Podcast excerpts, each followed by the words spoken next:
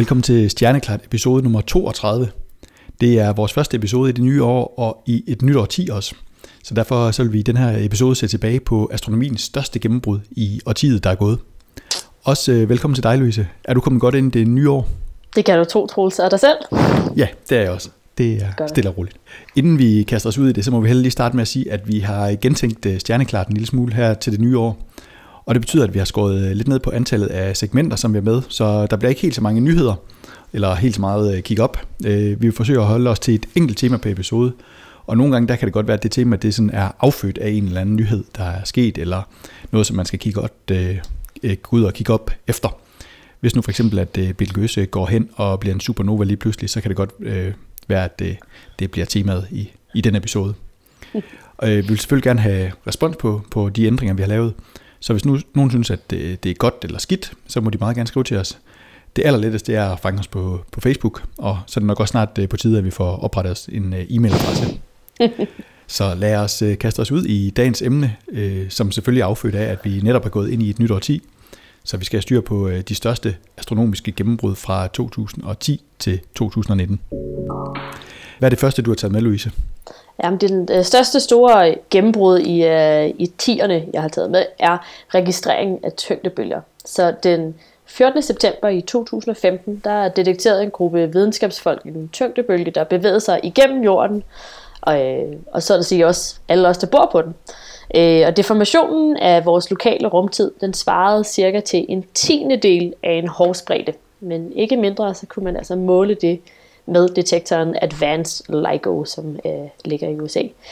Øh, og derefter så gik det ret stærkt. Øh, opdagelsen den blev annonceret den 11. februar øh, i 2016, og Rainer Weiss, Kip Thorne og Barry Barish de fik efterfølgende Nobelprisen i fysik i 2017.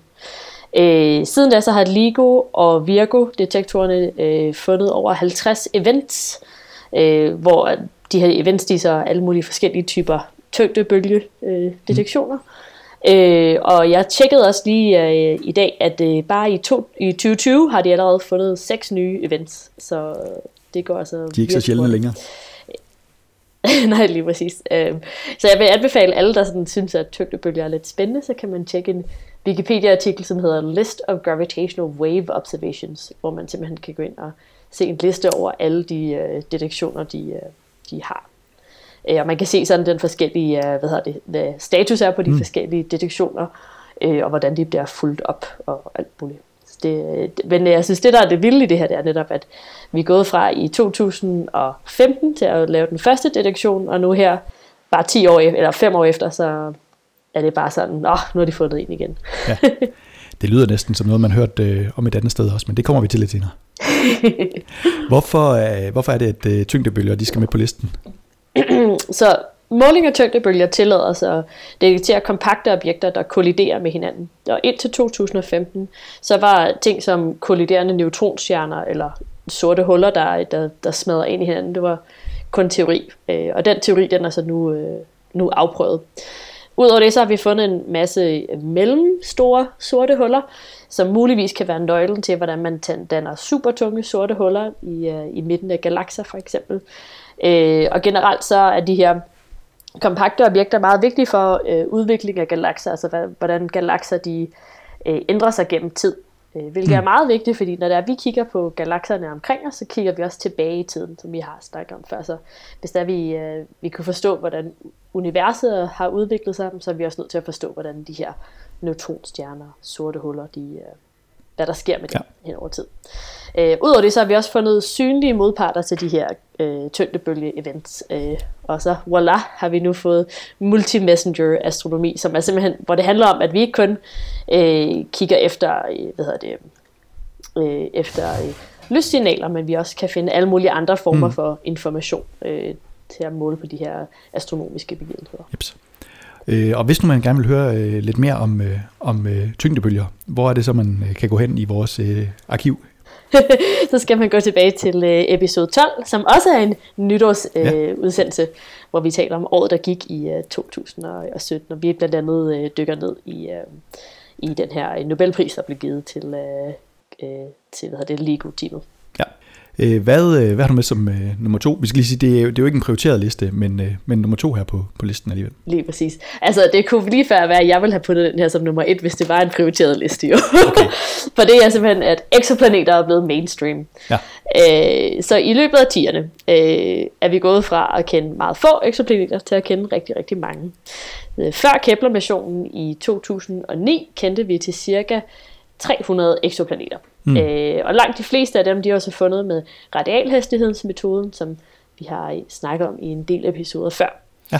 Øh, I løbet af Kepler-missionens treårige levetid, så det er sådan den øh, normale Kepler-mission, det skal jeg nok komme tilbage til, hvad det betyder senere, øh, fandt de altså mere end 2.000 øh, bekræftede eksoplaneter, og vi har stadig 2.000 oven i, oven i det, som så ikke er valideret. Mm. Øh, i 10'erne der kunne videnskabsfolk så komme til den konklusion og forståelse af, at eksoplaneter er normale. Altså langt de fleste stjerner har planeter mm. frem omkring sig. Øh, og det her det kommer altså ikke kun fra Kepler-missionen, men også fra radialhastighedsmålinger og mikrolinseobservationer. Øh, og et af mit absolut yndlingsfakta, sådan hvad, hvad angår øh, astronomi, det er, at alle sollignende stjerner har i gennemsnit mindst en jordlignende planet omkring sig. Og det sådan svarer lidt til, eller kan oversættes til, at når man går ud og kigger på nattehimlen, og man kigger op på stjernerne, så cirka halvdelen af alle de stjerner, du kigger på, har med mindst tre planeter omkring sig. Det er vildt. Øh, så man kan sige, at i løbet af tierne, jamen der, der kom vi så til at, øh, eller i løbet af tierne kan, kom vi så til at kende op til 4.000 eksoplaneter, og langt størstedelen er så fundet i, i kun i det årti. Ja. Fordi øh, det måske være lige at have med, at det, det er jo ikke øh, i det årti, den første eksoplanet øh, blev fundet. Det er jo lige et par, par årtier inden da, men det er, sådan, det, det er grunden til, at vi er med på listen, er, at det, det er der, det er ligesom blevet mainstream. Mm-hmm. Lige præcis. Det er gået fra at blive sådan lidt, uh, lidt absurd, obskurt uh, uh, emne til at være virkelig uh, brandhit yep. med en masse, masse folk, der arbejder ja. på det. øhm, skal vi lige med, hvorfor, hvorfor synes du, den her er værd at have med på listen? så jeg synes, at for mig så går det meget tilbage til det helt store spørgsmål om, er vi alene i universet, og hvad er liv, og hvor kommer liv fra. Mm. Øh, og jeg, for mig og der er det, at vi ved, at der er en masse eksoplaneter ude i universet, eller ude i, i, uh, i galaksen, som vi muligvis som vi ikke har fundet endnu, men det, at vi ved, at de er der, øh, er sådan lidt første skridt i øh, sådan Drakes ligning, eller til at snakke om, hvad, hvad er sandsynligheden ja. egentlig for, at der er et liv andre steder på jorden. Hvis nu man gerne lige vil høre lidt mere om øh, eksoplaneter, så er det jo ikke øh, allerførste gang, at de bliver nævnt i, i Stjerneklart. Hvor, øh, hvor skal man kigge hen i arkivet for at høre mere? Ja, vi har øh, episode 10, hvor vi taler, hvor jeg taler om eksoplaneter, eksoplaneter ja, i meget lang tid. øh, og så episode 30, der, øh, som er her for, for nogle måneder siden, der snakkede vi om Nobelprisen, i, øh, der i 2019 blev givet til, øh, til øh, blandt andet givet til to øh, videnskabsfolk, der har fundet den første eksoplanet ja. omkring en sollinjestjerne. Der er lidt mere lyt, lyt til, hvis man har lyst til det. Ej, Troels, mens vi er i gang, så skal jeg næsten lige fortælle, at jeg, bare, jeg havde var meget heldig at få lov at hænge ud med vores øh, Nobelpristager her i, for to uger siden. Sådan. Det er ikke alderen, hvad der kan sige, at, øh, der kan sige det. Nej, jeg fortalte, øh, jeg fortalte Michelle, at vi havde øh, snakket om ham i min podcast, og han sagde, at næste gang så måtte han lige give et interview, men hans danske var så Han skal være velkommen alligevel. Det kan vi godt se igennem øh, fingrene med. Men han er god til at sige skål på dansk, så det, det er meget fedt. Oven på den, hvad, hvad er så på din liste, Louise? Nummer tre og sidste på, på min, min shortliste ja. er øh, Rosetta-missionen, skråstreg, at vi har landet på en komet. Ja. Øh, så Rosetta-missionen kender, kræver ved det, her, øh, ved det her tidspunkt nok ikke mange, meget introduktion, men at lande ja. på en komet er bestemt ikke nogen nem opgave. Øh, og det fede er egentlig, at dengang de planlagde missionen og byggede satellitten, der vidste de faktisk ikke, at det var kometen P67, de ville komme til at lande på. Rosetta havde nemlig oprindeligt en helt anden komet i sigte, og den hed så 46P, eller Virtanen. Mm. Øh, men grundet en mislykkedes øh, Ariane 5 opsendelse, som faktisk eksploderede øh, få minutter efter liftoff, øh, det skete så kun et måned før Rosetta skulle opsendes, også med en Ariane 5. Mm. Øh, og derfor blev øh, missionen udsat, og man var nødt til at, at, at finde et nyt mål, der skulle øh, udvælges. Øh, så filelanderen den blev udrustet med ekstra stærke ben, fordi den nye øh, komet P67 var en, en del tungere og, og sådan mere hvad hedder det, kompakt mm. eller tæt end den oprindelige, øh, så man ville være helt sikker på, at den kunne overleve øh, land, land, landingen. Så opsendelsen skete så øh, med to års forsinkelse i 2014, og det var altså før tierne. Mm, ja. øh, efterfulgt af 10 års cruisefase, som mere eller mindre betyder, at den har rejst igennem solsystemet, har haft øh, tyngdeassist omkring øh, Mars og taget en masse billeder omkring øh, Jupiters måner. Øh, og den her 10 års cruisefase, den, øh, den inkluderede så også to års øh, og syv måneders dvale, hvor den har været helt ude i det ydre del af solsystemet, ja, ret, og man har været nødt til at slukke for den. Ja. så den øh, 20. januar i 2014, der ringede Rosettas vækkeur, øh, 18 minutter forsinket, øh, skal det siges. Der er nogen, der har siddet med, med en lidt høj puls. Det har, det har været meget anspændt i, i control roomet i, i Darmstadt. Ja. Øh, hvorefter den så havde rendezvous med kometen P67 øh, cirka 6 måneder senere. Mm. Den 12. november i 2014, der landede Philae øh, landeren så på øh, kometen, dog med et lille, et lille bounce, mm. øh, så at sige. Øh, men en masse data nåede de heldigvis at sende tilbage til Rosetta, og derefter øh, tilbage til jorden, inden vi mistede forbindelsen med, med landeren. Men altså, det er sådan en, øh, øh, sådan, sådan et fed milesten, at det er den første gang, vi nogensinde har landet på en komet. Ja, der har virkelig været mange ting, der sådan lige skal, skal lykkes der. Det, det er virkelig ja. sejt. Hvorfor, øh, hvorfor er den øh, det med? Du har næsten allerede været lidt inde på det. Øh, ja, så Rosetta-missionen har givet et helt nyt billede af, hvad kometer er, og spørgsmålet omkring, hvad, hvor vand og måske også liv øh, her på jorden kommer fra. Øh, svaret på det spørgsmål findes muligvis på, øh, kometer, mm. øh, og kan måske besvares, hvis der vi virkelig kan forstå kometer i, i dybde. Øh, og en af sådan, de helt store højdepunkter fra Rosetta-missionen er, at man har fundet øh, et kompleks molekyl, som finder en, spiller en vigtig rolle i at danne aminosyre og DNA i, øh, i liv, som vi kender det. Mm. Men jeg tror med Rosetta, der øh, øh, det er også et projekt, der virkelig er ongoing stadigvæk, så vi kan regne med, at der kommer til at at komme nye resultater ud fra den mission de næste, næste mange år. Ja. Øh, og så tror jeg, at når man snakker om at lande på en, øh, en komet, så synes jeg også, at vi skulle have sådan en, øh, sådan en honorable mention med, at øh, NASA er landet på en asteroide helt tilbage i 2001. Det var Near Schumacher. Mm. Og øh, Hayabusa 2 landede på en asteroide i 2019, ja. og her i 2020, der kommer der muligvis en sample return mission. Øh, så det bliver jo virkelig, virkelig spændende, hvor vi så ja. kan tage noget asteroide med ned til jorden. Ikke at det er det samme som en komet selvfølgelig, men det er sådan lidt hen i den samme familie af, af, af, af udrettelser. Ja, det glæder vi os til at følge med i hvert fald. Ja. ja. Hvis man skal, skal høre lidt mere om, øh, måske ikke lige Rosetta, men øh, mere om, øh, om øh, kometer, hvad, hvor, hvor kan man så lytte hen i, i arkivet? Ja, vi har jo lavet en hel uh, trilogi, som er episode 18-20, som handler om liv i rummet, ja. hvor jeg taler med uh, Anja Andersen og uh, Henning Hag om asteroider, kometer og hvor liv uh, måske kommer fra, mm. og hvor vi muligvis kan finde det hen i vores eget solsystem. Jeps. Øh, nu har vi øh, sådan lige prøvet at, at, at, at gennemgå øh, et år 10 på øh, ja, vel, en 10 minutters tid, det, og det, ja.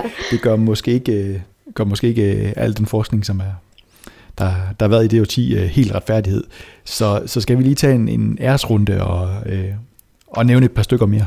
Ja, Ej, jeg vil måske jeg vil skynde mig at sige, at jeg synes, at øh, det er lidt sjovt det her, når man laver en liste over, hvad, hvad der er sket de sidste 10 år. Så øh, min hjerne i hvert fald, den hoppede meget hurtigt til ting, der var sket inden for de sidste 2, 3, 4 mm. år. så jeg har været ekstra hård med nogle af de sådan lidt mere seneste øh, opdagelser. Ja. Men øh, en af dem, som måske skulle have været på listen over os, det er, at vi har fået taget et billede af et sort hul for første gang. Ja. Øh, som vi også har talt om i en tidligere episode. Ja. Øh, vi har også sagt farvel til Cassini, som er en øh, NASA-mission. Ja. Øh, vi har endelig fået taget et nærbillede af Pluto med NASA's New Horizon-mission øh, i 2015.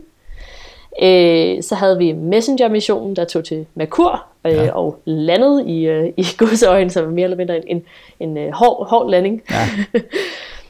øh, men som gav os utrolig meget information omkring Merkur og hvad Merkur er lavet af. Øh, så er menneske, øh, menneskeheden for første gang nogensinde nået ud af, stjer- solsystemet med, øh, med Voyager, øh, som, som kom ud på den anden side af, heliosfæren, så at sige. øh, vi har også detekteret et interstellart objekt for første gang nogensinde i 10'erne. Øh, og så øh, til at slutte med, sådan helt tilbage sådan til at slutte tilbage med liv og vand, det er, at vi har blevet enige om, at der har været flydende, Mars, øh, flydende vand på Mars før i tiden. Øh, og vi er også øh, ret sikre på, at der er et flydende ocean under, under hvad hedder det, skorpen på Saturns måne, Måne Enceladus. Ja. Det kan jeg aldrig finde ud af at udtale om.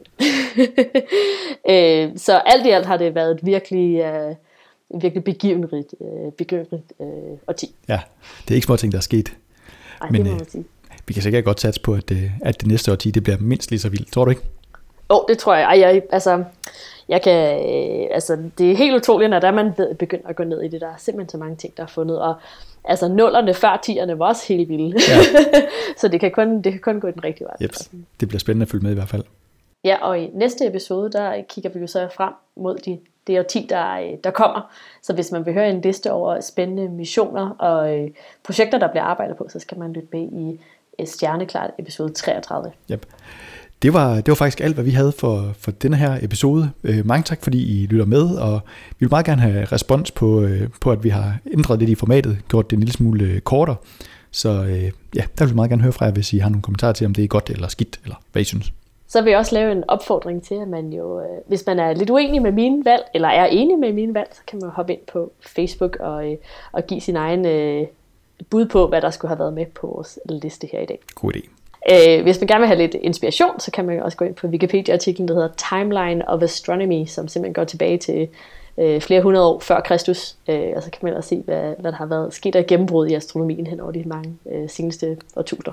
Ja, men man skal lade være med at gå derind, hvis man lige sådan skal noget vigtigt. det, er, det er virkelig farligt, det ja, vil jeg sige. det, kan, det kan hurtigt være et, øh, en tidsrøver. Ja.